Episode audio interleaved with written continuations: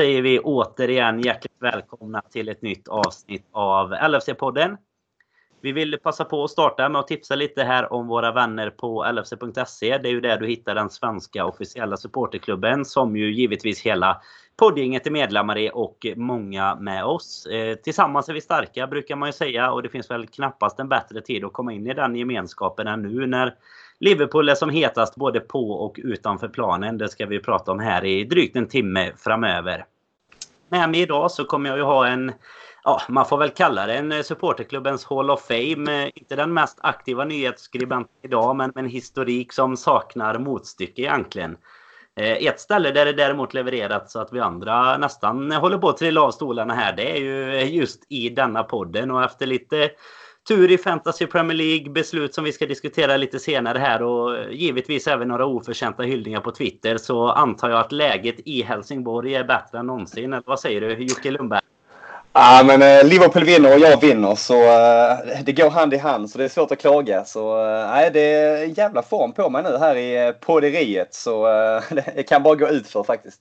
Jag slängde ut en tweet här eh, efter matchen igår. Var lite taggad. Visste ju att vi skulle sätta oss här och podda och så ville få in lite frågor och, och det har vi fått. Eh, vi kommer dra upp ganska många av dem under avsnittet och även givetvis väva in det under eh, snacket både om West Ham och Watford där. Men, men mitt i allt så, så dras det upp hyllningar till dig. Liksom att eh, Jocke med Å. Jag vet inte om det är eran dialekt som som eh, det låter som att du heter Jocke snarare än Jocke som jag skulle sagt. Men eh, jag vet inte var kom de hyllningarna ifrån? Är det du som har skapat något trollkonto eller, eller är det verkligen lyssnare som sitter och verkligen känner att nej, den där Jocke, han är, han är fan grym alltså. Äh, det, man hoppas ju på det sista, men uh, jag, jag, har faktiskt ingen armé med supportrar som, uh, med trollkonton som jag själv uh, kör. Jag har inte kommit dit än. Det känns som något som Robin kanske skulle behöva för att hålla ute sitt rykte. Men, nej, men det är kul. man gör bara sitt bästa och försöker vara hyfsat ärlig och få ut sina åsikter här. Så nej, kul. hoppas det, det är folk som finns på riktigt då också och inte är några bottar från Ryssland eller någonting.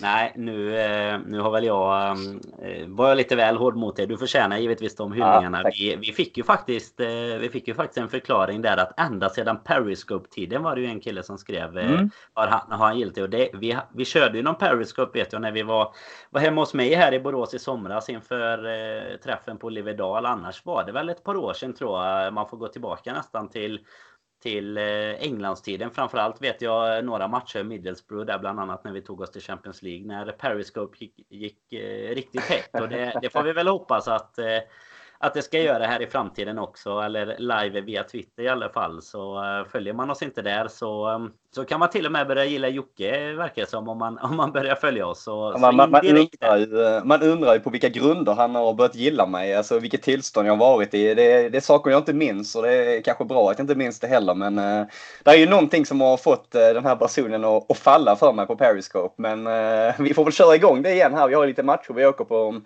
två, tre, fyra veckor. Så ja, varför inte? Det är comeback som gäller.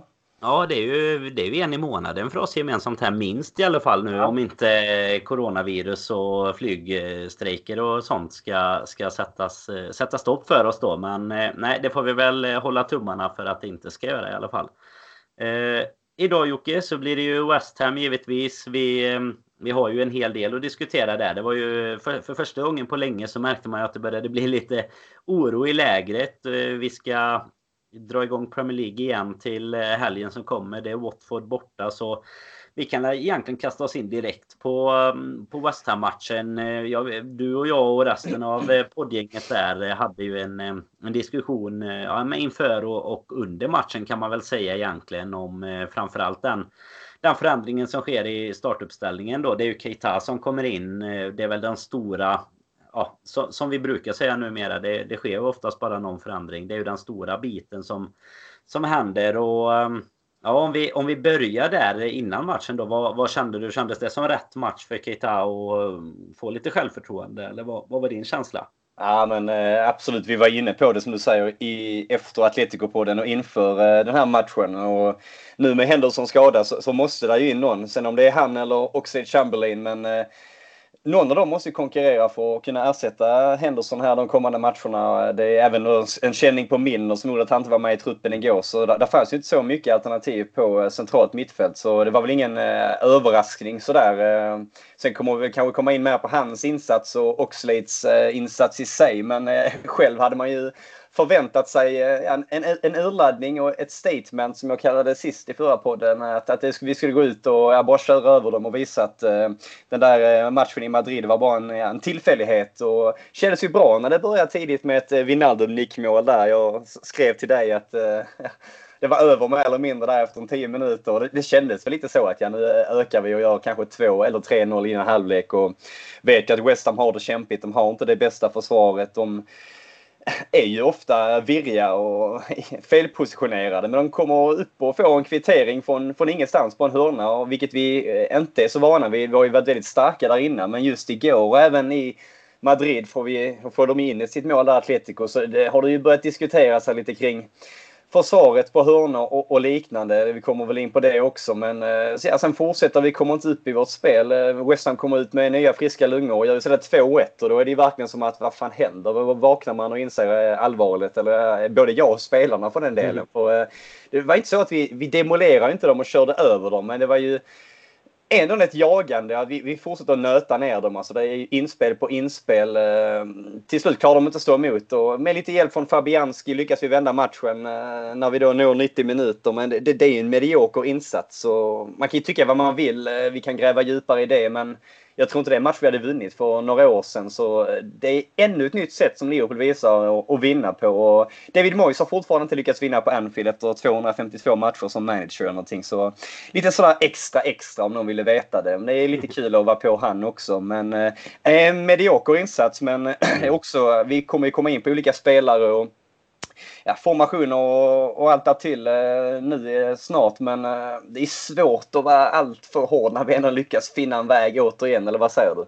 Nej, men man kan väl säga att eh, just det här som du säger med att spelare vaknar och fans vaknar också. Det är ju en match eh, innan 1-2 skulle jag säga och, en match efter 1-2 för eh, vi, jag tycker ändå att vi skapar, alltså den första timmen som som är drygt då tills, tills vi faktiskt hamnar i underläge. Den tycker jag att vi skapar ganska bra chanser även om vi gör det utan det här eh, vanliga tempot. Det är ju hönor, alltså jag vet inte om jag, jag kan inte komma ihåg någon match där det har varit så mycket hönor. Man märkte ju att West Ham gärna ville komma till fasta situationer och vi har ju också extremt mycket hönor men vi har ju någon nick där van Dijk har eh, någon nick i ribba och vi har lite situationer där eh, ja, John Moss kanske hade kunnat sätta pipan i munnen och, och döma straff också men det är väl egentligen som du är inne på där. Alltså två, när man tittar på att de... Eh, alltså tittar man på bara statistik när de gör 2-1 så har ju de typ haft två eller tre skott och vi är uppe i så här 17-18 målchanser. Så att så sett så är det ju ingen eh, alltså sån genomklappning tycker inte jag som, som kanske man, man framförallt om man följer sociala medier och sånt eh,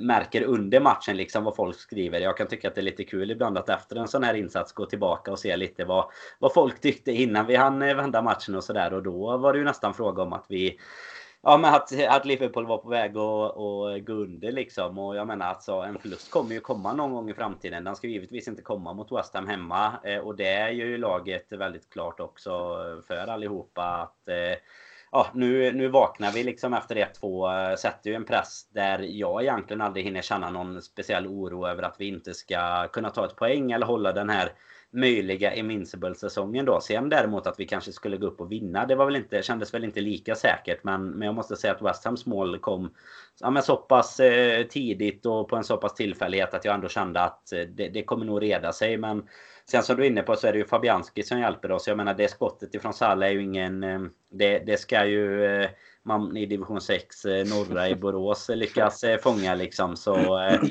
nej, det, det ger ju han väl, verkligen Och en gratis biljett in i matchen. Men det hade ju kommit till slut ändå. Det, det kan jag inte tänka mig annat. Men eh, nej, det, det är väl ändå skönt. Det, det blir någon sorts statement att de faktiskt visar att även om inte om inte man satte högsta växeln direkt eh, eller man kanske själv också trodde i Liverpool-lägret då att det skulle bli en lite enklare match än vad det var. Särskilt med den starten som du nämner, Wijnaldums nick.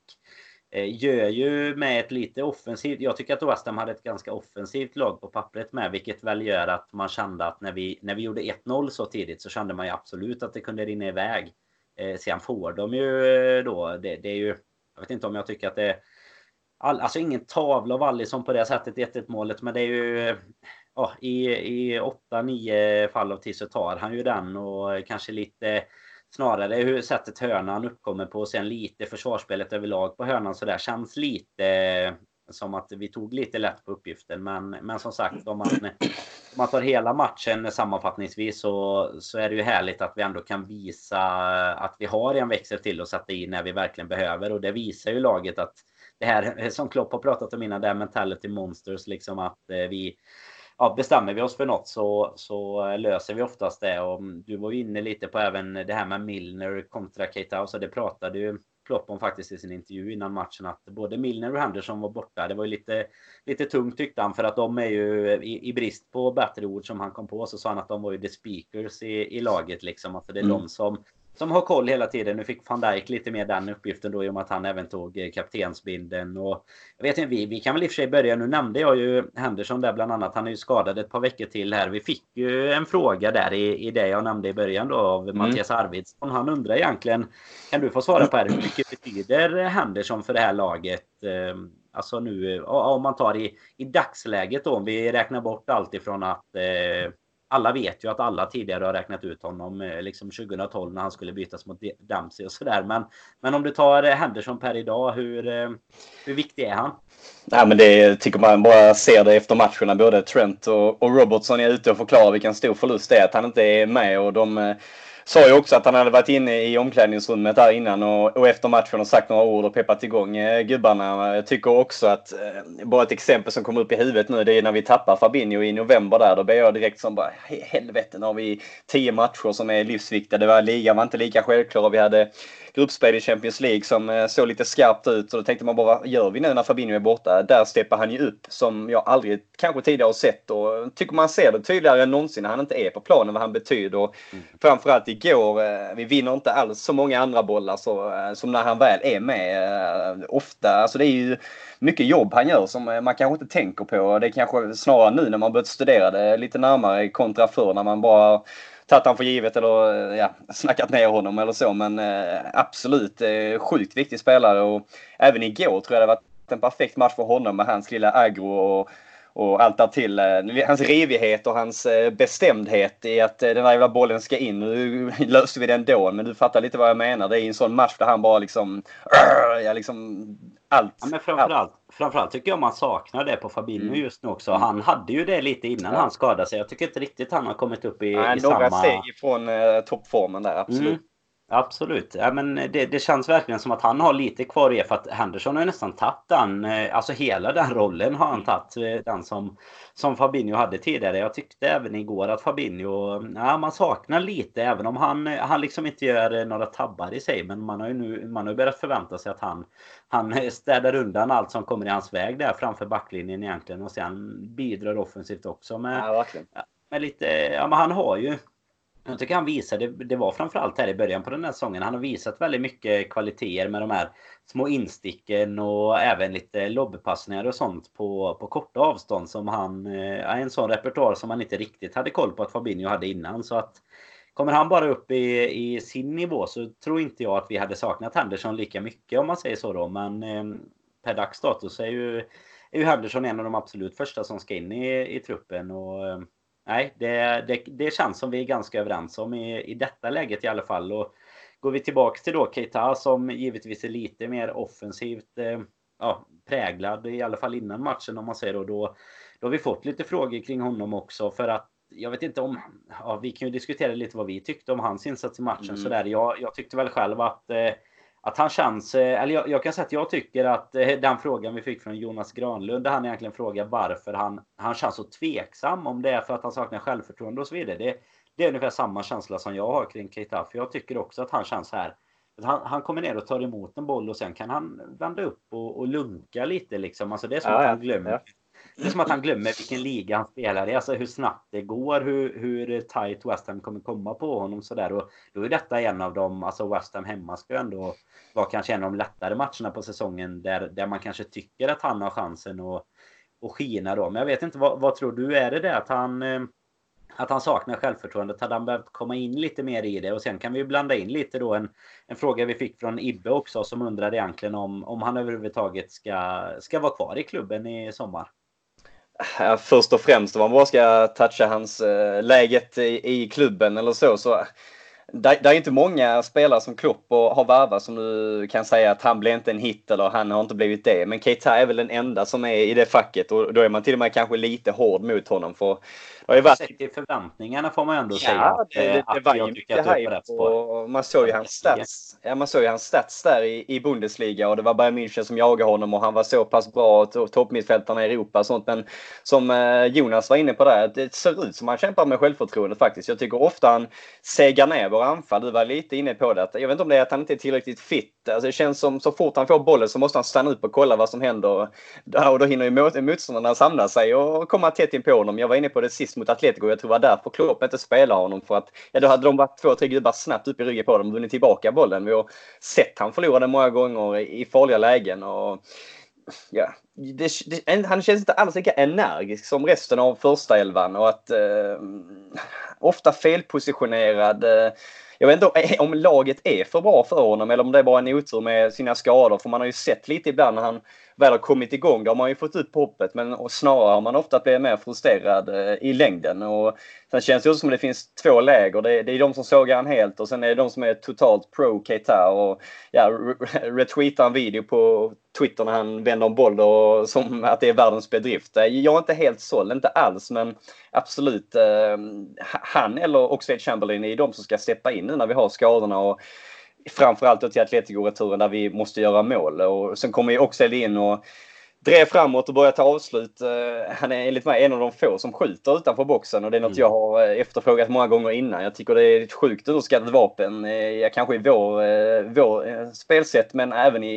i dagens fotboll. Alltså det är inte ofta du ser det som förr med att folk tar skott utanpå och vi har sett Oxlade gjort 3, 4, 5 mål och vann mot dubbel mot Genk och några andra han har gjort den här säsongen. Så han har ju det i sig. Eh, underskattat alternativ att skjuta sådär. Han gör ett helt okej okay inhopp, inget spektakulärt men för min del kontra Keita så räcker det för att han ska stjäla tröjan från eh, Keita ja. till kommande matchen. Det lilla han gör där. Alltså det är inte wow wow men snarare ja, två plus Keita-insats och eh, också eh, ovanför så helt enkelt. Så det, det är konkurrens om mittfältsplatserna och visst, man kan säga att Keita kanske förtjänar mer chanser och så vidare, men han, han måste ju ta dem. Det är samma mm. som när det är en yngling på eh, försäsongen eller någon man hypar upp. Alltså man måste ta sina chanser. Och vi får inte glömma vilken nivå vi är på nu. Vi, vi lever i vår egna, vår egna lilla bubbla, men om man är Europas bästa lag som vi ändå är och har visat och vunnit pokalerna som, eh, som leder till att man blir det. Så nja, jag är, jag är tveksam. Jag givetvis har några chanser kvar men jag är, jag är inte såld och han har mycket kvar att bevisa verkligen.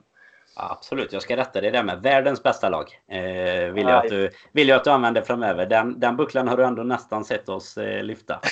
du brände väl nästan den också eller? Ja, vi var, la, vi var väl eh, på halvvägs mentalt nere i metron i alla fall när, den, när den lyftes. Nej, men jag tycker du, du pratar om en ganska spännande grej där när du nämner Oxlade också. Det här med att skjuta utanför boxen. Mm. Det vet jag att vi, vi pratar om en del eh, i, i podden också faktiskt när det, när det gällde Coutinho på den gamla goda tiden. Mm. Eh, det är ju just det vapnet som du pratar om. Det är ju ett sånt sätt också. I och med att vi är ett sånt eh, spelande lag nu. Vi har ganska bra med, med bollinnehav. Jag menar, det, det, den typen av, av spel har ju inte riktigt Liverpool spelat på innan. Vi har ju varit som bäst på kontringar om man går tillbaka som den senaste tioårsperioden egentligen i, i våra bästa dagar med Starwich och Suarez och sådär innan, innan nu det här Klopp-laget då egentligen. Och jag tycker att det är en typisk sån grej Eh, när du börjar skjuta lite utanför boxen, oavsett om du gör mål eller inte, så lockar du hela tiden upp försvararna. Mm. De måste komma upp och pressa dig och det gör ju att du också kan hitta instick på... Alltså våra spelare är så pass passningsskickliga också att det kan göra att ja, går de upp och pressar lite på Oxlade då, då skapar det en liten yta för Mané eller Salah eller Firmino som kan vara det avgörande fram till ett mål sen bara för att du kan lyckas peta in bollen på, på dem istället. Då. Det tycker jag också att, eh, att Oxlade faktiskt är, är lite strået vassare. Han har lite mer den här genombrottskraften tycker jag än vad mm. Keita har.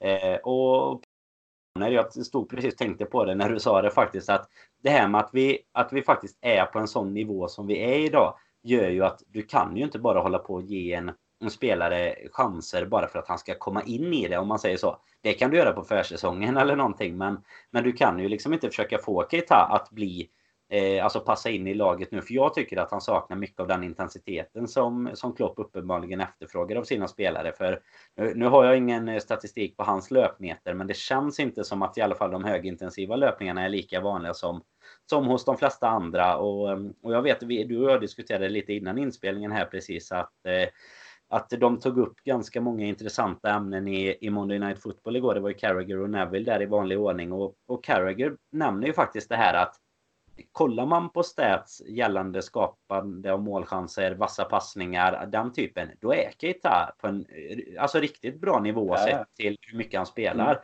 Men Carragher sa också det, men jag, jag ser det aldrig. Alltså, jag, jag, kan titta på statistiken, ja. men när jag tittar på matchen då ser jag det inte. Eh, så det, och det kan jag verkligen hålla med om. Jag vet inte riktigt vad, vad, vad det beror på, men eh, det, det känns ibland som att eh, ja, jag vet inte om... Det är så svårt att säga. Alltså visar statistiken att han passar många farliga passningar, skapar mycket lägen, då gör han ju uppenbarligen det. Men det känns inte som att han är lika vass. Eh, och jag tycker ju efter i...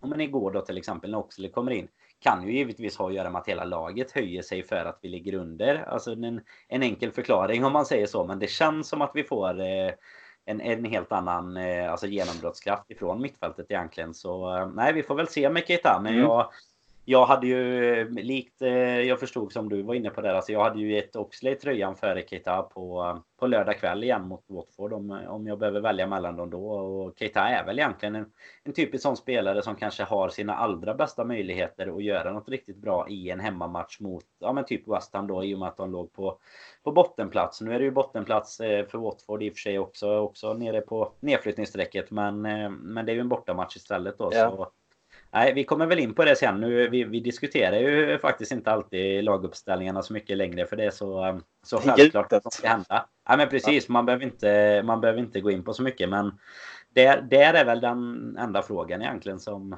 som kommer uppkomma inför, eh, ja, inför Watford-matchen om inget annat hinner hända innan dess. Då. Men som sagt, vi, Ja, vad sa du? Jag tycker vi, vi har touchat det mesta där kring, kring mittfältet. Något annat jag eh, satt och, och svor lite över eller så här. Det, visst, eh, Salah och Mané de, de får ju varsitt eh, mål till slut eh, i kolumnen men tyckte hela fronttrion hade svårt igår och fungerar inte alls på sitt bästa sätt. Det är väldigt sällan du ser att, ja visst nu får de ju två mål och Mané fick ett till som blev bortdömt men det är sällan du ser att alla tre är så bleka. Det brukar vara att det, antingen så är Mané fantastisk och de andra två har en lite sämre dag eller så är det någon av de andra. Men flera gånger tycker de kommer ner alldeles för djupt i plan och hämtar boll och det hjälper inte oss i den sista tredjedelen att vara kreativa.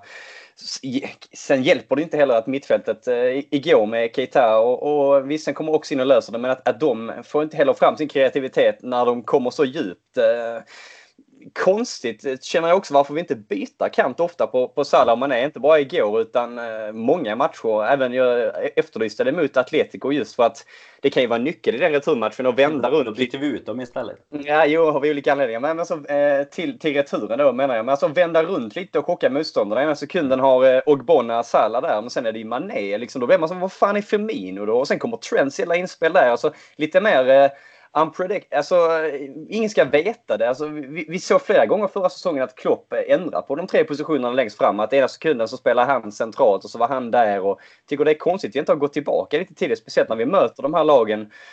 Jag såg någon stats på det, typ att 13-14 eh, av lagen vi har mött i ligan, det är ju liksom som jag varit på nedre halvan eh, och spelat den här typen av, av spelsätt och vi har ju oftast, eh, vi, eller vi har lyckats finna vägar och vinna matcherna ändå. Men tycker jag det är konstigt att man inte använder sig mer av det här lite oberäkneliga att eh, vad fan nu är han där och nu är han där. Och, det är just det som jag tror kan röra runt mot Atletico. Eh, att det inte är så självklart var spelarna är och var de kommer ifrån. Och ännu ett vapen som du säger när man eh, med en ox som skjuter mycket där att locka fram backarna och sen har de ändrat position på anfallarna helt plötsligt. Så är Mané där och Firmino där. Jag, det, jag tror det är sjukt viktigt att röra runt i grytan och ge hjärnspöken på spanjorerna där. För eh, det tror jag är en nyckel för att kunna dra brallorna på dem faktiskt. Mm. Förra säsongen som du nämnde, det var ju Salla var ju rätt vanligt att han droppade in centralt. Eh, om inte ja, men om inte riktigt vi fick eh, snurr på, på anfallet där. Och, och det var ju verkligen så igår. De, de var ganska bleka. Firmino var ofta väldigt, väldigt långt ner. Han var ju nere i backlinjen och hämtade boll några gånger. Och, mm. och faktiskt spelade bort den ganska snabbt också när han väl hade gjort det. Men eh,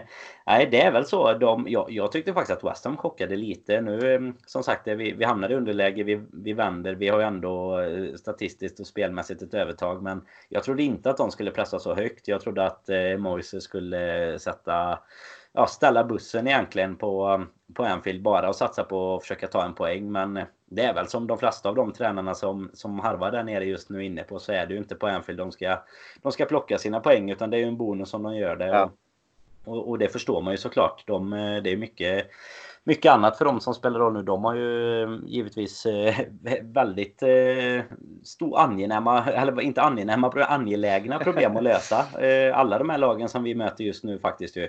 Eh, Watford och, och, West Ham och eh, Norwich eh, som vi mötte sist och i, i ligan. Och det ser ju tufft ut för dem liksom. Så att eh, jag menar det är klart att det är inte mot Liverpool de ska ta dem. Men, men när de väl får en, en sån här gratismöjlighet kanske när, när vi inte riktigt är på topp så så ja, känns det ändå som du är inne på. Vi har något konstigt sätt att ändå lösa det på sitt mm. slut. Mm. Även om det verkligen inte ser jättebra ut då.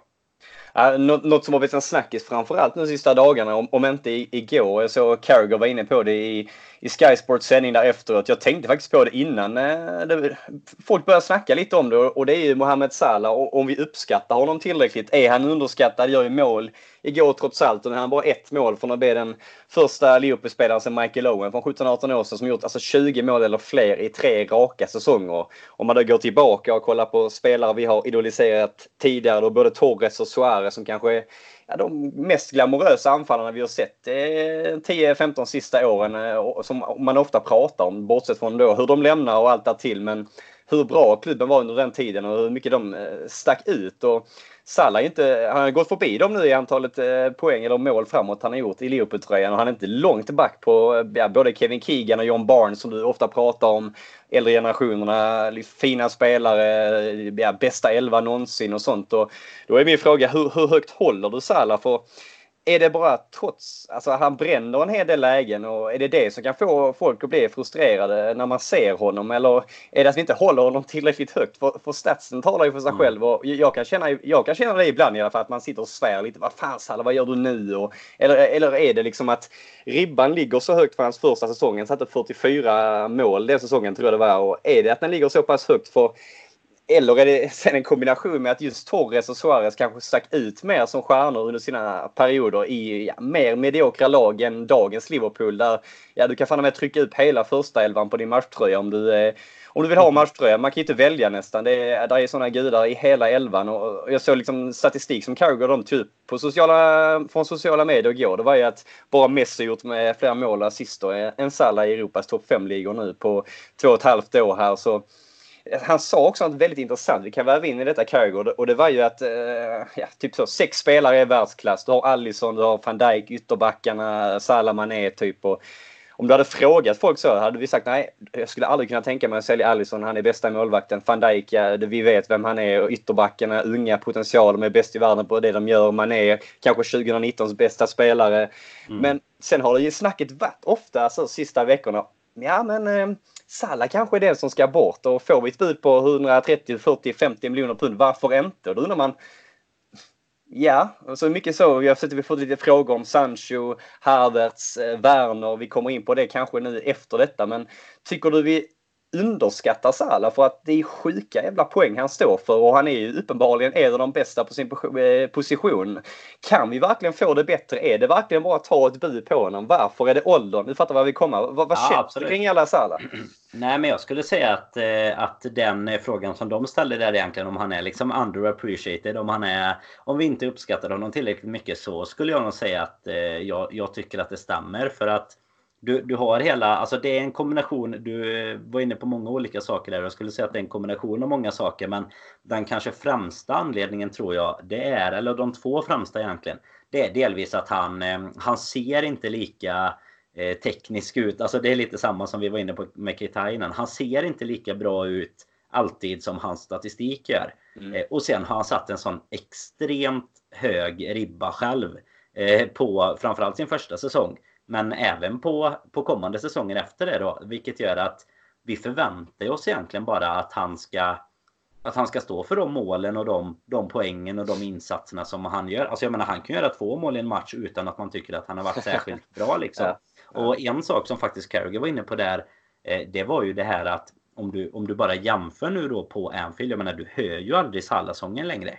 Ja, eh, det är ju en typisk sån grej som du kan jämföra med kanske Firmino och sådär. Alltså uppskattningen för spelaren. Sen är det klart att Firmino-sången kanske är lite mer catchy än vad, än vad Salas låter. Men det, det säger ju ändå någonting. Jag menar då när den kom och, det, och när Salah verkligen var, var kungen av, av Kopp liksom. Eh, ja men då det var ju liksom The Egyptian King. Den gick ju hela tiden. Den, den snurrade. Det var ju 2018 där egentligen någonting. Eh, ja, hela den Champions League-våren och, och ja, när det gick bra i ligan och sådär. Och sen, sen den stats, alltså de statsen du lyfter, det är ju sen, sen 2017, det är precis som du säger, alltså två och ett halvt år egentligen då. Ehm, och det, det, är ju, alltså han har gjort 92 mål och sist. Messi har gjort 125. Och Immobile är ju, delar ju tillsammans med, med Salah andra platsen då för Salah. Sjukt oväntat dock. Chiro Immobile. Ja. ja. Nej, definitivt. Men, men däremot tycker jag att varje gång man är inne och kikar på lite... Jag kollar ju inte så mycket som, som alla som lyssnar på oss vet på de andra ligorna. Men man kikar ändå lite så här resultat och sånt. Och han gör mm. fan alltid mål. så att han... Det kanske är lite som, som Salah. Jag tycker alltid att man är inne och kikar att han gör mål. Nej men det är som du säger, alltså han, han slår ju liksom eh, Ronaldo, Suarez, Mbappé. Ja, vilka har vi i våran liga? Aguero, Aubameyang. Ja. Alltså, ja, men du vet. Mm. Så, så där tycker jag ändå att eh, vi kanske inte...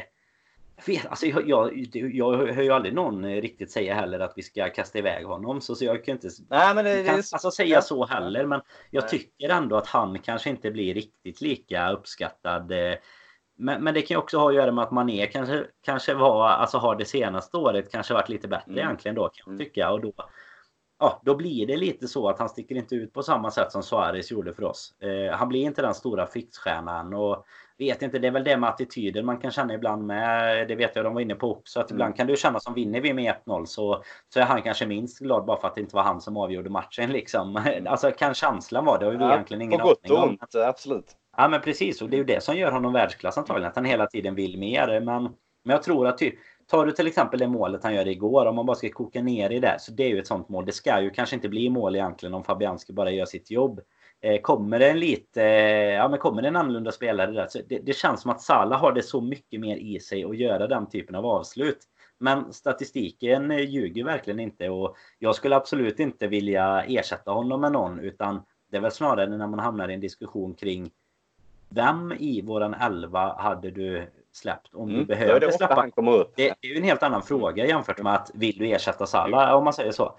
Men jag vet att de, de hade ju med honom där och jag tycker väl att han givetvis är... Alltså, jag tycker inte att det finns någon som du som du kan säga att liksom, nej men jag hade gärna ersatt honom med, med Werner till exempel. För jag menar i ålder och sånt heller så det är ju, vi har ju många år kvar vi kan, vi kan få, få mål ifrån de fötterna och men, alltså, ja, men just, det, just det de säger, det, det, eller tar upp, det är väl Jadon Sancho och Kylian Mbappé där. Och det skulle väl vara att eh, om, om nu eh, vi säger Sancho ska kosta 100 miljoner pund eller där omkring och att du då kan casha in på Salah som det ska vara ett ekonomiskt syfte. Vi vet att ägarna och klubben har den policyn att satsa ungt, sälja dyrt när det väl har gett eh, skörd på de spelare de en gång köpt som har utvecklats och blivit bra. Att om då Salah de kan få 140-150 eller kanske mer. Vem vet vad prisbilden är på dagens sjuka marknad. Fast finns kan... det fortfarande, tror du, tror du fortfarande att den eh, tanken, alltså den tanken finns i, i ledningen? Ja. För jag menar, då var vi ju inte, alltså när vi började med det här, nu är det ju inte riktigt samma moneyball-tänk ja. om man säger så, men när vi började med det då var vi ju inte bästa laget i Europa, bästa laget i världen, snart bästa laget i England. Alltså, då förstod man ju syftet med att eh, förädla liksom unga spelare och, och casha in och kunna köpa bättre spelare. Men jag menar, har du ingen bättre spelare att köpa? Alltså, det är inte, jag tycker inte att man såklart kan säga att Jadon Sancho kommer vara nej, bättre nej, än vad Salah är. Liksom. Eh, däremot kanske det som du är inne på då, sett till ålder, sett till marknadsvärde och så, då kanske man hade kunnat göra en ganska eh, bra affär om man nu vill ha in Sancho. Eh, mm. Att man behöver göra sig av med någon. Men jag vet inte. Det, tror, tror du liksom att den finns kvar, den tanken? Att så här, okej, okay, nu har Salla, nu har hans marknadsvärde mm. jämfört med när vi tog in honom är ju, ja som du säger, det är en helt sjuk marknad. Det är klart att det är ju, det är 100 miljoner pund till liksom. Uh, alltså jag vet inte fan. Uh, först och främst vet man inte vad Michael Edwards kan uh, trolla fram. Han kan väl uh, dra ner månen på en dejt om, om, om dejten ber om det liksom. Han kan göra det mesta. Han säljer ju is till Eskimoer vet jag att du uh, Sand Sahara och allt han gör. Det, nej men lite så. Men nej, kan, då har det förändrats lite från första början som du säger. Men jag tror nog ändå att tänket kan vara lite snarlikt men att de istället ändrar den här ändra det här tänket kanske ja, för två år sedan då när eh, Allison och, och van Dijk eh, kom in att både kanske Klopp och ägarna insåg att ja, det går att göra till en viss del men sen måste du lägga på sista, fan vet jag, 25 procenten med absolut världsklass som går rätt in och som du sätter din liksom eh, spine, din ryggrad i laget. Att du eh, kanske inte kan bygga den med så pass unga spelare att det håller hela vägen ut. Så till viss, viss del tror jag nog det kan finnas. Eh, Alltså, vi, vi gör ju mycket smarta grejer eh, ekonomiskt och framförallt då på marknaden. Vi hämtar spelare för eh, ja, skrattretande pengar ibland som sen dubblar sitt värde över en natt och sen så säljer vi eh, skrot för eh, sjuka pengar också om man får säga så. Så ja, men eh, sen är det framförallt också det viktigaste av allt det, det är vad Salah vill. Om han känner att eh, Holy Grail är Barcelona eller Real Madrid och han vill dit då, då kommer ingen stoppa honom för det, det har vi inte gjort innan heller och då mm. är det ju en, en, annan spelplan så eh, det är först och främst är det väl vad han vill också så eh, Nej, men det är intressant grej att, snacka runt lite på. För, för det är ju ofta så, vet, om folk frågar mig så ja men tror du han, eh, Mbappé kommer, tror du Sancho kommer? Liksom, då är det liksom, ja men det är nog om vi säljer Salah. Men vad fan skulle det vara Salah för? Men det, det har blivit en sån grej att man ofta tar upp det. Och sen som du säger, vad är det som säger att Jadon Sancho skulle jag tror han är en jättetalang och kanske en av de främsta talangerna du kan hitta där ute här och nu. Och, alltså engelskt dessutom då, mm. om man nu ska dra in det i, i sammanhanget. För mm för Brexit-landet? Nej, men lite så. Alltså, det är ingenting som säger att han väl lyckas just här. Sen tror jag väl alltså, spelstilen och typen av spelare och hur vi spelar allt där till det hade nog varit en bra match. Men, men ändå, liksom, det finns aldrig några självklarheter i, i livet. Så mm. nej. Men det är en kul grej att, att bolla runt lite med. För jag tycker ofta det är så att uh, det är just Salah som man lyfter upp som nästa spelare lämnar. Jag vet inte om det, om det är lite som du var inne på så ja, kroppsspråket ibland att han ser lite sur ut, vet, lite så här. Mm. Men, det kan jag ju bara gilla också att någon uh, skickar dojan i, på en vattenflaska när de blir utbytta. För att det är det, det man vill ha. Det är fan med det som är anledningen till att vi vinner Champions League. Till att vi leder ligan med de poängen vi gör och allt där till. Det är fan mentaliteten att man ska fan vinna till varje pris. Det, det, så är det ju. Mm, absolut. Om vi ska... Mm, vi, vi, kommer väl inte kunna liksom eh, dansa bort från den frågan riktigt. Vi har fått eh, varje gång vi lägger ut eh, sådär att vi vill ha lite samtalsämnen så, så blir det ju givetvis en fråga kring lite rykten och, och sådär. Lite silly season även om det det är långt kvar nu. Jag tänkte att vi inte ska bli särskilt långrandiga kring det men du nämnde ju det innan med. Det är ju egentligen Ja, det är ju tyska ligan. Det är ju Werner de Sancho, det är Kai Havertz egentligen som det kanske snackas om mest intensivt. Och framförallt då givetvis är det ju, är det ju Timo Werner nu då med alla ja, intervjuer och eh, Fjortoft intervjuar honom efter Champions League där han liksom hyllar Klopp och pratar om Liverpools fina sätt att spela och sådär. Ehm, om, om Jocke kikar in i spåkulan eh, nere på, på rummet hemma i Helsingborg, vad, vad säger du? Är det är Werner Liverpool-spelare i, i sommar. Och eh, vi kan ju lägga till det där då. Kommer han i så fall gå rakt in i, i elvan? Eh... Svara om Salah lämnar. Nej, men eh, först och främst, jag tycker eh, Eh, alltså nu spekuleras det ju hela tiden i, i tyska medier och var och varannan dag vad hans utköpsklausul och övergångssumma och allt eh, potentiellt skulle kunna vara. Den känns ju väldigt låg i dagens marknad sett till vad andra legender går för på marknaden. Så det, det lockar ju bara av den delen. Och sen dessutom att han är en fantastisk spelare på alla sätt och vis. Eh, man, man, vet ju också att vi har vissa spelare vi kommer att skeppa iväg i somras. Eh, Grujic, du har Wills, Harry Wilson, du har kanske en Shakiri tror jag försvinner. Alltså bara ja, Harry Wilson och någon till skulle i så fall kunna täcka en eh, mm. övergångssumma om man nu ska kosta 40 miljoner pund eller 45-50, jag vet inte men det, jag tror det är lätt, det är en sjukt bra deal så sett. Eh, och han, just i eh, intervjuerna säger han ju själv ju att ja, men det är världens eh, bästa lag som du nu säger Danne och det har du rätt i. Eh, men där finns ju liksom konkurrens framför mig och jag vet att jag måste liksom jobba och kämpa hårt för att det, jag ska kunna slå mig in där. Så det känns ju ändå som att han har, han har det i, ja, i tankarna att det här blir svårt men jag ska ge det en chans. Och just det tror jag också är viktigt. Men något som jag fan mig själv börjat tänka på som man gillar ju att spekulera om allt i livet så något som jag tycker var sjukt intressant är att om du går tillbaka, kolla både Minamino och Fabinho så kommer de två värvningarna från absolut ingenstans. Det fanns inte en människa i Liverpool-läger, inte ens journalister och de här som hade någon koll förrän det bara dök upp att eh, han är nära Liverpool. Mm. Och jag, jag, tror det är något sätt som vi har försökt börja göra på hur vi värvar. Så därför tycker jag det är lite, det känns bara lite konstigt att eh, något som säger om att, att Werner skulle komma in eh, nu. Eh, det känns mer som att det kan vara en jävla agentgrej, att de vill få upp ögonen för honom. Mm. Man vet ju spelen där, där till och sånt. Jag tycker bara det känns konstigt såvida inte allting nu redan är klart. Och det är en annan grej att han kan stå där och vara lite cheeky som du gillar att säga. Alltså att, eh, att han vet att det är hemma. Liksom han kommer att spela på Anfield nästa säsong. Då är det ju en helt annan grej. Men jag tycker bara det är lite konstigt. Det, det har inte varit så vi har gjort den sista tiden. Att någon har varit ute du vet, lite sur i media och sånt och själv lyfta. Utan det känns som att vi ofta vill gå bakom stängda dörrar och göra vår mm. business. Jag vet inte vad, vad du känner där. Det är bara något jag kände kring Werner då i sig.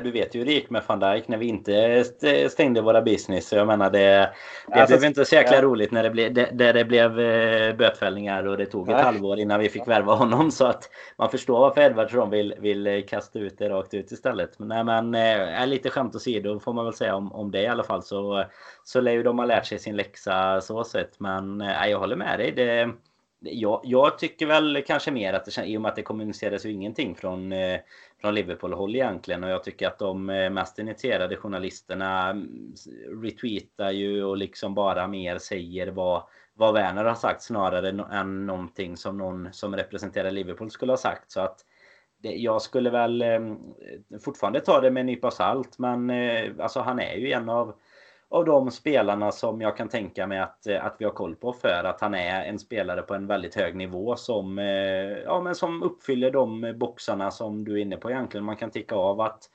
att eh, åldern är där och priset antagligen verkar ju vara där om man ska tro på de uppgifterna i media gällande klausuler och sådär. Så att samtidigt så som ska vi hålla en konstant hög nivå i, i många år framöver så så behöver vi ha det vi har varit avundsjuka på att City har haft i många år. Vi behöver ju ha en bänk också som, eh, som är liksom lika bra som våran 11 och det, det, vi börjar väl mer och mer komma ditåt. Men eh, utan att, att vara riktigt eh, där än så, så är det, det klart som, att det, ja. det är världsklasspelare som ska in. Vi ska inte värva in liksom bara, bara någon som ska fylla upp några skor utan förhoppningen är ju att, att man ska kunna ha spelare som man ersätter efter 60 minuter och, och får in minst lika bra eller bättre.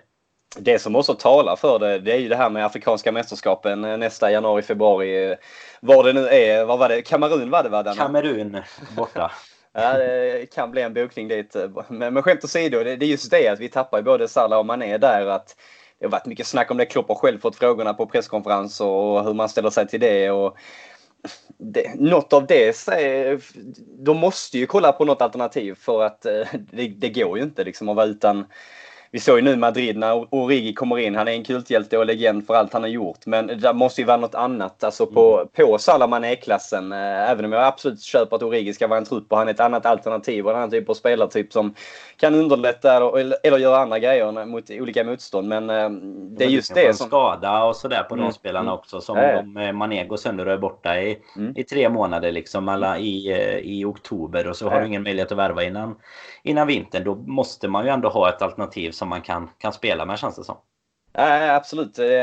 Men jag tror bara att det talar för att vi kommer att göra någonting och om det nu stämmer med den prislappen på, på Werner så, så lockar det ju också sett till att vi, vi kommer ju sälja vissa av spelarna som har varit utlånade och, och, och, där, och så som eh, kommer att kunna gå för pengar som han då skulle, ja, sägs vara, vara värd runt så eh, det känns ju som no-brainer egentligen om det nu är så. Mm. Absolut, nej det, det är vi väl eh, ganska överens om tror jag. Och det, det är ju som vi brukar säga i, i podden, det är inte våra pengar vi spelar med. Så att eh, det är klart att man, eh, man gärna tar spelare som kan förstärka truppen. Och i, det, det är ju svårt att se att vi skulle ha ett bättre förhandlingsläge än vad vi har eh, så som det ser ut nu. Om vi är på väg att jogga hem ligan och så eh, får vi se hur det går i Champions League såklart. Men i alla fall vunnit den i närtid oavsett vad som händer i, i slutet av denna säsongen då. Men eh, nej, lite, lite silly season fick vi in i alla fall. Det är ju ett par månader kvar innan vi, vi tar tag i det på allvar. Så eh, då fick, eh, då fick vi i alla fall eh, mätta några öron där gällande de ryktena. Sen eh, tänkte jag Jocke, innan vi, innan vi liksom går in på Watford, vi ska även snacka lite fantasy tänkte jag. En, en kul. kort eh, sväng. Ja, det är kul. Det gillar du.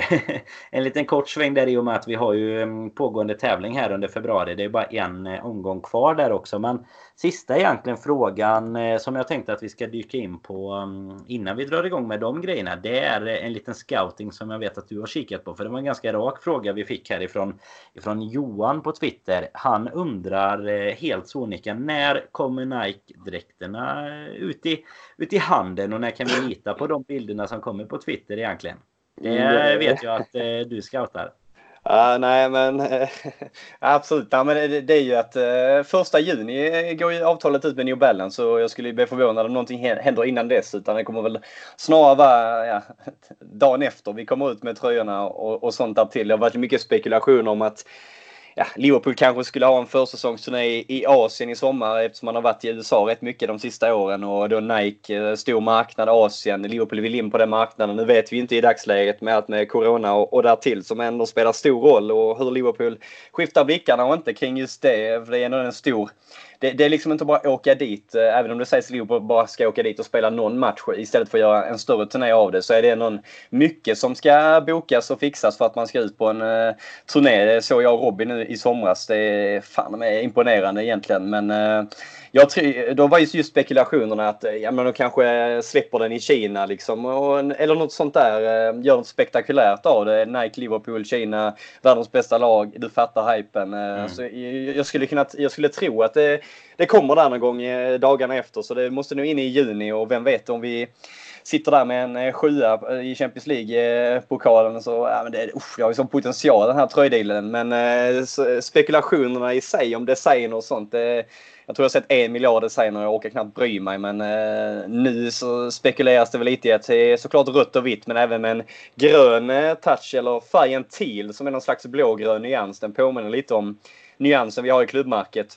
Om jag ska kunna förklara det på ett sätt. Jag är ingen eh, konstnär eller designer eller något sånt. Men eh, om ni kollar på ett klubbmärke eh, liksom med den gröna eller blågröna färgen där uppe. Att den ska finnas lite. Det påminner lite om hemmatröjan 1993 om någon orkar gräva i det. Om man eh, gillar tröjor. Eh, så någon sån grön nyans sägs det då enligt senaste mock-appen heter det väl som har kommit ut här nu i sociala medier. Men ehm, ja, vi, vi får väl se. Men jag tror det blir inte innan eh, dealen har gått ut för då kommer väl New Balance ta oss i domstol igen för att vara för jävliga och det kan man mm. förstå. Ett avtal är ett avtal. Så eh, någon gång i sommar skulle jag tro att allt kommer. Så eh, ja. Ja, jag sa ju det att det var rätt man att fråga här. Det känns som att vi fick ett jäkligt bra svar på det där och jag antar att det var det Johan var ute efter. För är det bara när vi ska spela med dem han menar så är det ju då är det helt enkelt nästa säsong. Ja, som, men det, det, han har som det börjar. Men jag antar att det var snarare så. När, när kan man lägga vantarna på en egen tröja helt enkelt. Men eh, håll utkik ja. eh, i sommar helt enkelt då. Det har ju ofta varit så att man har spelat kanske sista hemmamatchen i, i nya tröjan och sånt tidigare säsonger. Men då har det ju varit eh, New Balance eller då eh, Adidas och eh, Warrior och allt vi haft har ju varit under kontrakt. Liksom. Det är lättare att göra det. Nu är det ett kontrakt som löper ut och ett nytt som kommer i spel. Så det är ju rättigheter och skyldigheter och allt däremellan. Så därför blir det inte så den här eh, gången. Nej, det kan vi i alla fall räkna med. Mm. Eh, Sen du Jocke, om vi, vi får väl se. Vi kanske stoppar in någon mer fråga här lite längre fram. Ja, för fan. Det är trevligt. När du är så jäkla påläst. Jag måste om fråga vi... Danne. Jag måste fråga. Ja. Jag, fan, det var ju lite komplikationer här innan inspelning. Var, var befinner du dig? ja, nej det... var är du Danne? Nej, vart jag är? Jag står i tvättstugan och spelar in idag. Saker man gör för podden. Ja, det får man säga. Hör lite, det, det, heter det, maskiner i bakgrunden och gör du så nu lite, lite mangel och sånt. Gör du så nu efter drygt en halvlek in i podden så, så ursäktar du oss om det är lite ljud i bakgrunden så är det bara jag som står och manglar något täcke samtidigt eller vad man nu manglar i, i sådana maskiner. Nej, det, var, det är lite komplikationer med, med, med familjen och sjuka döttrar och sånt som gör att det, det gick inte sätta sig som vanligt så att då får man hitta ett ställe där man känner att, eh, att man kan ta ett litet, en liten podd.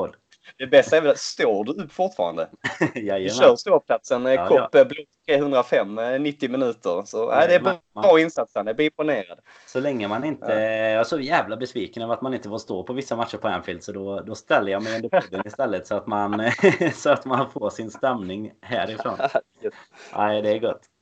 ja, vad... då, då, drar vi en ja. fråga till bara för det. Bara för att du börjar snacka resor nu då. Vi ska mm. ju, som vi nämnde innan, vi ska ju om ett par veckor här eh, åka över tillsammans. Kolla, kolla Everton borta. Robin eh, ska vi ta med oss också eh, som, som ett litet bihang till oss där. Så vi fått en fråga, en fråga gällande det, det är ju svårt för den här säsongen såklart. Det är Anton Ceylon som frågar. Eh, man får ändå ge dig Jocke då. Du brukar ju gilla epitetet liksom Europakungen och eh, ja, han är överallt och folk undrar hur fan du hur du lyckas och hur många semesterdagar ni har nere i, i Helsingborg egentligen och sådär. Men han undrade helt enkelt bara eh, om vi har något bra tips på hur man får tag på biljetter som då inte är svindyra. För det, mm. jag antar att Anton har suttit och kollat på de biljetterna som är kvar till den här säsongen och då, då kostar det. Mm. Ja, nej, men det först och främst är det ju någonting som man... Eh, ja, det, det är ju en tur att jag har kommit in i rätt tid. Eh, jag har mitt egna personliga members card som, som många andra där man i sitt egna namn har sitt eh, kort, sitt medlemskap. Eh, kostar 35 pund per säsong eh, som dras där runt sommaren. Sen har du ett eh, biljettsläpp i eh, juni, juli, eller juli blir det. Spelschemat kommer ut i juni. Sen har du ett eh, släpp i november. Där köper du i sommar, eh, sommaren köper du då höstmatcherna och i november köper du vårmatcherna. Och det är något man får bygga upp. Det är typ ett lojalitetsprogram eh, eller vad man ska kalla det. Och jag börjar ju börjar från noll som man eh, ofta gillar att säga. Eh, kom in eh, Roy Hodgson-tiden. Det, det är skillnad på tider och tider och som det säger sig själv så var det inte lika högt tryck på biljetterna då som det är nu. Nu är det ju ja, pris och efterfrågan som styr. Eh, tycker vad man vill men så är det ju om allting i, i livet och eh, efterfrågan är ju enorm. Det, jag kan bara jämföra två säsonger sedan eller sånt där vi hade lite biljetter och sådär. Och det var inte alls samma tryck som det är nu. Och det säger väl sig själv också att det är ju kanske dagar vi aldrig får uppleva, får vi väl hoppas i och för sig, men det är dagar vi inte har upplevt tidigare, i alla fall vår eh, yngre generation. Men eh, bara för att återkoppla det är att du, jag hade turen att bygga mitt kort och summa summarum är det ju 14 eh, matcher är väl garanterade alla och sen har du ett släpp för eh, fyra matcher och sen har du general sale och eh, tyvärr är ju general sale totalt omöjligt. Då måste du hacka systemet eller känna Peter Moore eller någonting. för det är ju långa köer och det är mycket, alltså du ska sitta vid... Mitt största tips är väl egentligen, alltså först och främst nu är det väl typ omöjligt. Men eh, det är att hänga med på klubbens eh, biljettsida som du kan hitta under mm. nyhetsfältet på officiella hemsidan. För eh, det var så, om du bara ska samma, eller ta tillbaka till Europakungen och det här. Det var så jag byggde mitt kort i Europa under Europa League-dagarna visst. Och då, då var det ju inte samma, ja, sukt efter biljetter men det var så jag byggde mitt kort för att då, då, då droppade det ner till general sale att du inte behövde ha någon credit som jag då sa att du var tvungen att vara på 14 matcher, 4 matcher och så vidare för att vara garanterad och kunna köpa till de matcherna. Då droppade det ner till att du inte behövde ha någonting innan och så började jag bygga mitt kort och sen började jag åka på matcherna också så eh, håll utkik på vad som händer.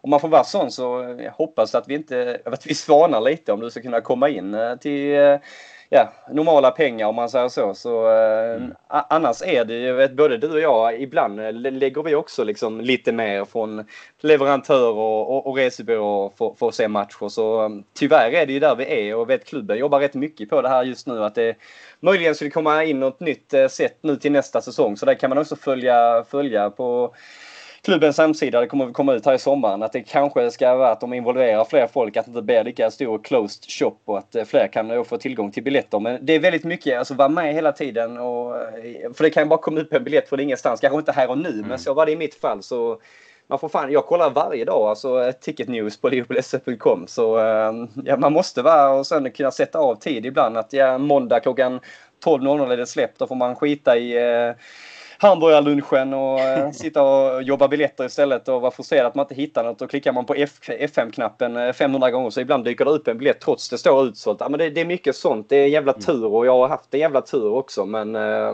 ja, det, man får ändå lägga ner lite tid och ska ha tur att laget har varit pissdåliga där och då som det var när jag kom in helt enkelt. Nej men det, du är inne på rätt spår där. Alltså nu, nu pratar du egentligen hur man köper det via mm. klubben officiellt mm. om man säger så. Där, där är det ju så. Alltså man har ju egentligen två släpp eh, i stort sett eller två, två block så egentligen under under året när man släpper första halvan av säsongen och sen andra halvan. Och, och, och börjar man från noll nu då så är det ju som du säger, man kommer ju ha långt ifrån möjlighet att köpa till alla matcher om ens någon så som den här säsongen är. Mm. Men går man Går man tillbaks till, eh, om man ska jämföra med, med kort som du säger. Jag satte ju igång några år senare och då gick det ju ändå att köpa till en så här 4-5 matcher eh, första säsongen och sen fick man några ytterligare matcher säsongen efter och så vidare. Och, och där handlar det ju också väldigt mycket om eh, den saken du nämnde det sista tycker jag. Så man behöver verkligen vara uppdaterad och man behöver lägga tid på det.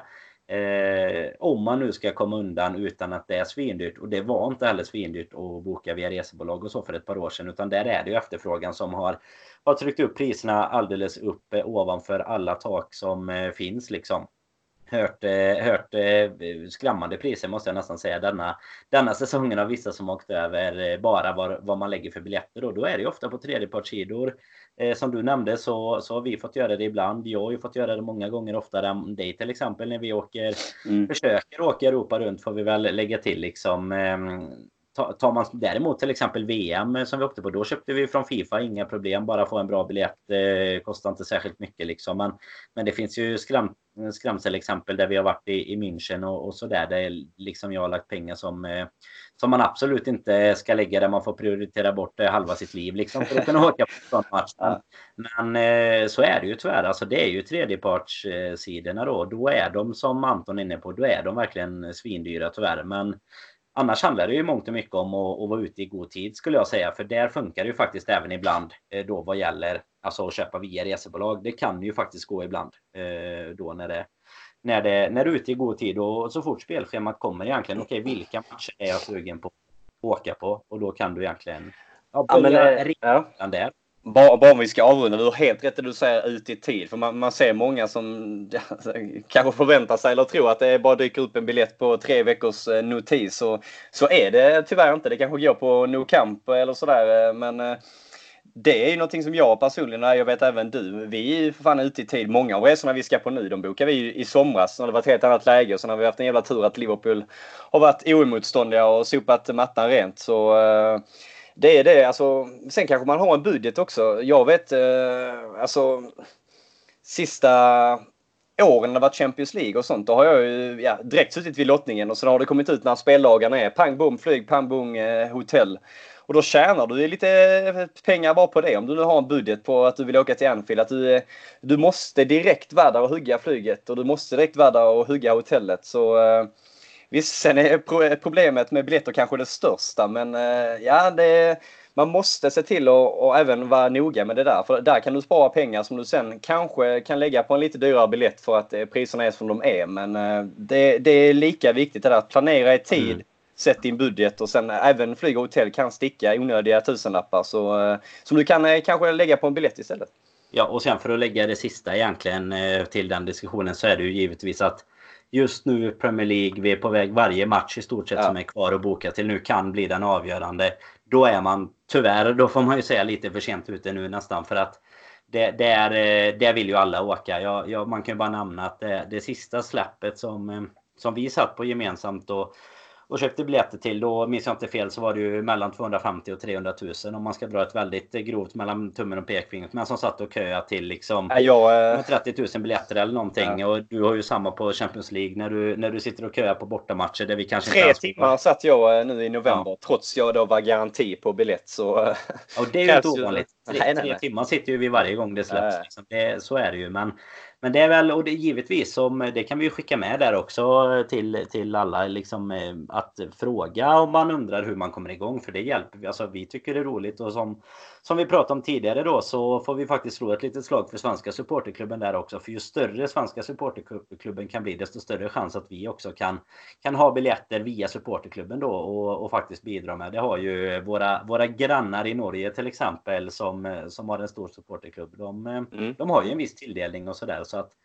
där, eh, där är också en väg in eh, som man kan, kan ta sig då. Men eh, nej, tiden rinner på här Jocke. Vi har ju mycket kvar att snacka om. Ja, men vi, vi får köra lite snabbare här nu. Eller så ja, men vi köra en extra lång podd för det är så jävla Ja, trevligt. vi kör lite stopptid idag också. Men vi är inte ens uppe på 90 minuter. Nej, det är bara, det är bara Champions League-match igång nu. Det är inget vi bryr oss om ändå. Nej, exakt. Det är ju, vi ska ju snacka som, som sagt. Vi har ju lite fantasy som vi ändå får nämna då i alla fall. Då kanske vi inte ska, ska ge några stalltips och sådär om vilka spelare man ska byta in. Utan det kan vi faktiskt faktiskt hoppa över. Men vi, vi, kan ju, vi kan ju börja med att nämna i alla fall att eh, det är Sälen United, Kim Selberg som eh, toppar våran liga alltså totalt då. Eh, med faktiskt en liten marginal, även om det kan gå fort i fantasy såklart. Men sen då till den här februaritävlingen så så måste vi ändå nämna lite enskilda spelare. För den nya ettan här nu då, Henrik Rommeskog, han, han tog ju kanske ett litet tips ifrån dig i förra podden, eller vad, vad tror du Jocke? Ja, jag tror att Henrik är en jävla scout när det kommer till, till FBL-spelare, så jag, jag, vill inte ta den, men man kan ju hoppas. Det var ju Bruno Fernandes som jag lyfte sist jag och Robin spelade in. Jag vet att det dök upp ett eh, mess från dig ganska fort efter du hade hört podden. Alltså, alltså så många ha, ha, ha i följd som du skickade iväg. Det har jag nog aldrig sett i hela mitt liv. Det tog inte slut. Jag kan fortfarande sitta här och scrolla nu. Men då undrar man ju bara, är du nöjd med det eh, påhoppet du gav mig där? För jag hade ju för fan helt rätt i den teorin. Henrik är du nöjd?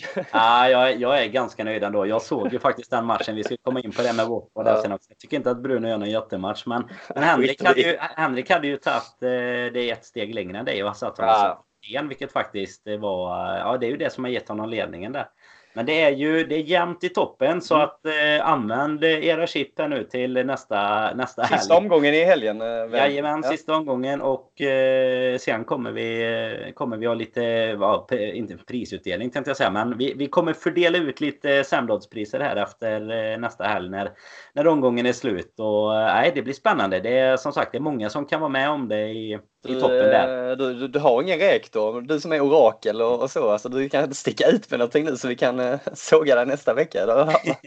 det är Nej, mycket, vi kan säga att det är mycket blanka gameweeks för att vara ja. lite snälla mot folk. Så det, jag, jag, har aldrig mått så dåligt som nu när jag ser min trupp. Jag vet inte vad jag ska göra. Det kommer ryka minuspoäng överallt. Så, ja. Jag tror att du och jag sitter lite i samma båt där. Vi har ju inte riktigt... Vi, vi har delvis planerat för det här men jag, jag släcker mer bränder just nu än vad jag, än vad jag ger eh, bra rekar. Jag skulle väl säga att eh, sitt kvar i Liverpool-tåget är ju den säkraste reken man kan ge. Men men eh, sen finns det ju en viss liten sån här, eh, den här ha-ha-ha som du snackade om där. Jag har ju en liten sån här, eh, alltså ligger man bra till så är det klart man, man ska göra vad man kan. Men jag har ju lite ont i hjärtat om jag ens börjar titta på United-spelare. Men jag vet inte, du har inga såna, det, det är inga såna känslor för, för en manager i, ah skor eller? Alltså det är skillnad på toppen och botten här någonstans. Och, om man lirar i toppen som mig så då kan man inte ha några känslor utan då, då är det bara leverans. om han var min bästa kompis bara liksom. Det är antagligen ja. är det ju så. så att, Vi kan eh, bara snabbt eh, väva in uh, D-Machine-hypen är över. Han, han måste ju öka här. Daniel Ekengren som ledde innan den här omgången innan Henrik kom in. Drog och... triple captain. Ja, på, slaskade på Mohamed Salah igår. Men han frågade oss också det här om United-spelare. Om, eh, ja, nej, men, kör bara. Alltså, det är bara poängen ska in. Det, men kanske inte ska sitta och hålla på dem sen utan det får bara bli en bonus. Det, det kan man väl... Eh, har vi gjort det någon gång Danne? Att eh, man blir lite glad när eh, Aubameyang gör två mål i helgen. Liksom, eller? Nej, nej, men jag vet inte. Alltså, man, man, kan väl ändå ha... Man, kan ju, man, man eh, får ju se fantasy som eh, givetvis som steg två bakom Liverpool. Men det är klart att eh, om, ja, Arsenal, om Arsenal ändå ska göra mål så kan väl Aubameyang göra målen. Så kan man väl säga för att vara, vara diplomatisk. Liksom. Men det känns mer som en sak som du gör. Firar eh, liksom, när Fernandes gör mål när en annan sitter och håller på Watford. Liksom.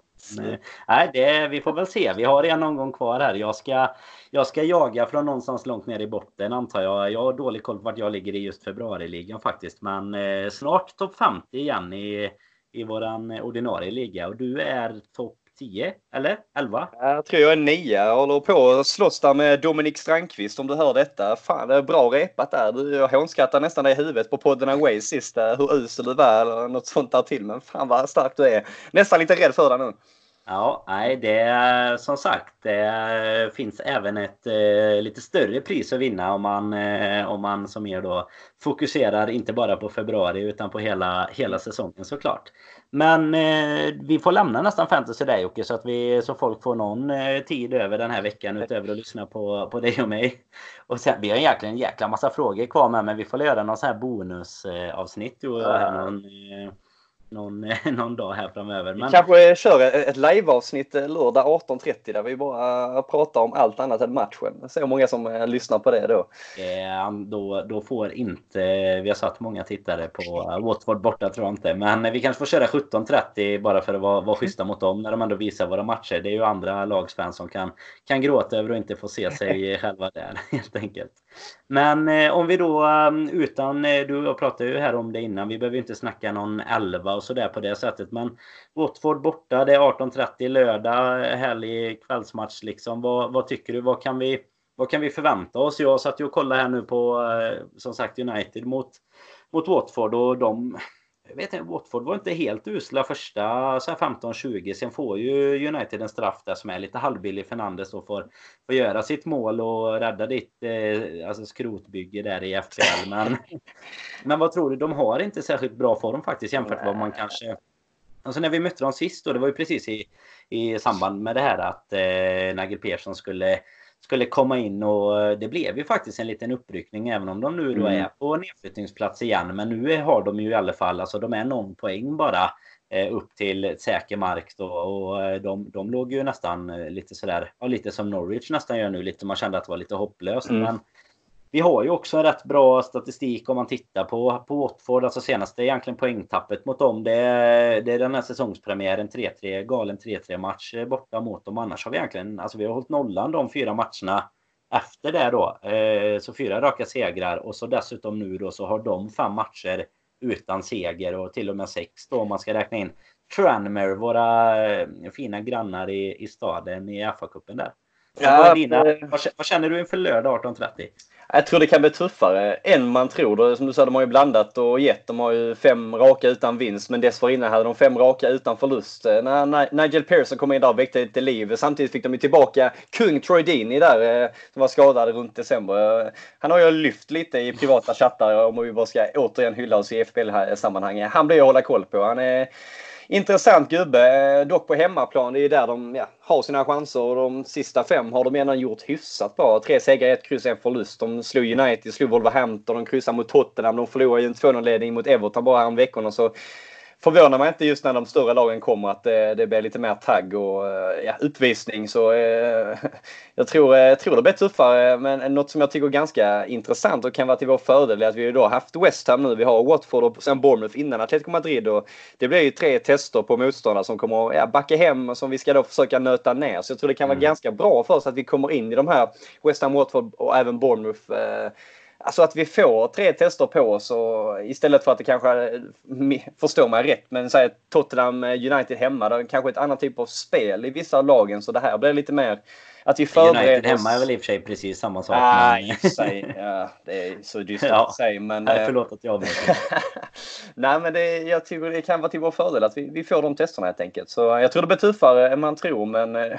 ja, det, jag har svårt att se oss förlora också. Så eh, mm. nej, det, jag vet inte vad oraklet säger här. Du, eh, men jag, har alltid, jag har ju alltid en sån känsla när man åker till den här typen av matcher på bortaplan. Eh, jag vet inte, det är sällan jag liksom tror att vi ska vinna med, med 4-0 mot Watford borta. Sen eh, på rätt dag gör vi ju det såklart. Men eh, de är inte, alltså de har ändå ett bygge som är helt okej. Okay och ja, som sagt, inte, inte någon jätteform. Men det är väl ett lite typiskt sånt lag att ja, gör vi första målet då, så, så skulle det kunna rinna på sen. Men på samma sätt så så om de känner att de, att de eh, har någon vittring så, jag menar den matchen sist då när vi slog dem på Anfield där var, hade de ju några rejäla chanser och det, det är ju snarare bara tacka gudarna och lite tur där att vi inte, att inte vi låg under och, och mm. kanske till och med egentligen förlorade den matchen för det är någon luftspark och något skott. Eh, kommer jag inte ihåg om det var vem av dem det var i, i Watford. Eh, men det, det är liksom flera lägen som de skapar egentligen mot oss och då är det ändå på Anfield då ska man ju inte,